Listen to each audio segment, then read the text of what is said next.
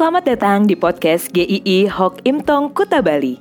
Penginjil Ray Reginaldi akan membagikan renungan harian singkat untuk membawa Anda mengenal dan menyembah Tuhan Yesus, bertumbuh dan menjadi murid Kristus, serta berdampak untuk banyak orang.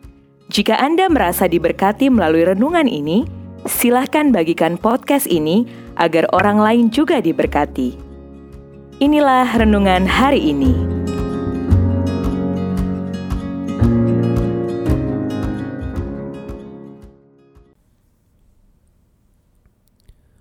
Utus aku. Yesaya 6 ayat 8. Lalu aku mendengar suara Tuhan berkata, Siapakah yang akan kuutus dan siapakah yang mau pergi untuk aku?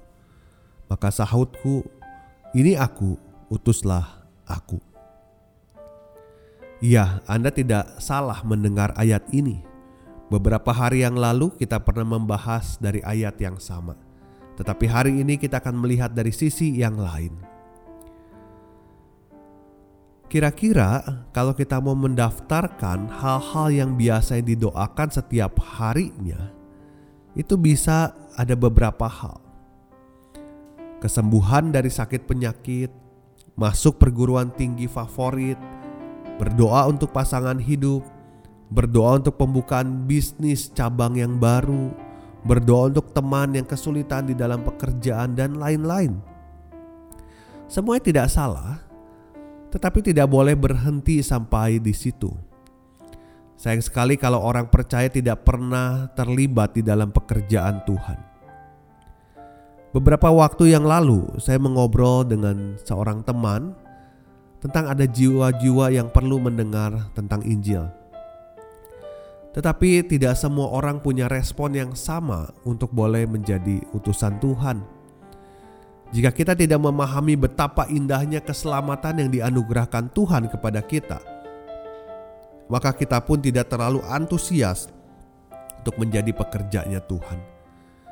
Kita seharusnya bertanya kepada Tuhan, apa yang bisa saya lakukan untukmu Tuhan? Kita harus selalu siap memberi diri bagi Tuhan karena kita adalah miliknya.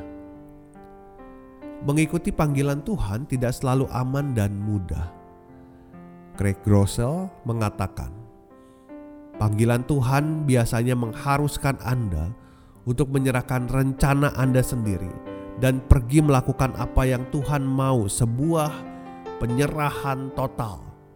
Jika kita memperhatikan Yesaya 6 ayat 8, ada sebuah rentetan kisah yang pada satu titik Yesaya berkata, "Ini aku, utuslah aku." Pertama, dia menyadari di hadapan hadirat Allah yang Maha Kudus. Betapa kudusnya Tuhan.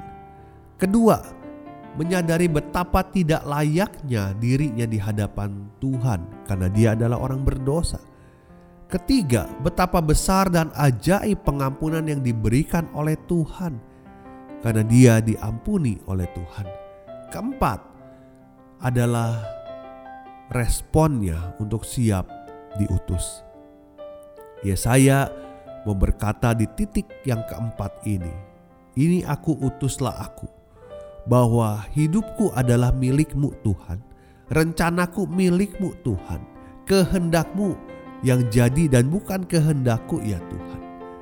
Memberi diri berarti memberi seluruh hidup kita untuk dipakai bagi Tuhan, untuk menjadi saksinya.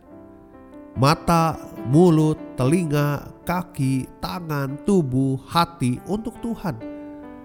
Artinya, setiap hari kita penting bagi Tuhan untuk diberikan kepadanya, untuk menyaksikan tentang Dia.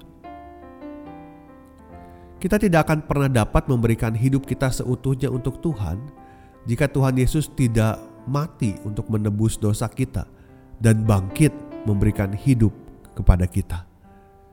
Kita bisa memberikan hidup untuk dipakai Tuhan jika kita sudah menerima anugerah keselamatan. Maka hidup kita ini bukan lagi kita pusatnya, tetapi Tuhan. Mari setiap kita yang percaya kepadanya bisa berdoa. Tuhan, di mana pun Tuhan mau, kapan saja, ke mana pun, apa pun yang engkau mau.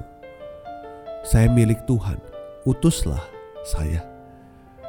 Setelah kita diselidiki oleh Tuhan, setelah kita dibentuk oleh Tuhan, kita bisa berkata, "Utuslah aku."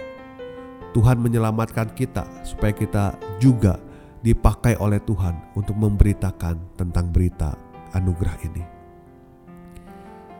Besok kita akan membahas satu hal. Hanya punya ini. Apa itu? Sampai jumpa, Tuhan memberkati.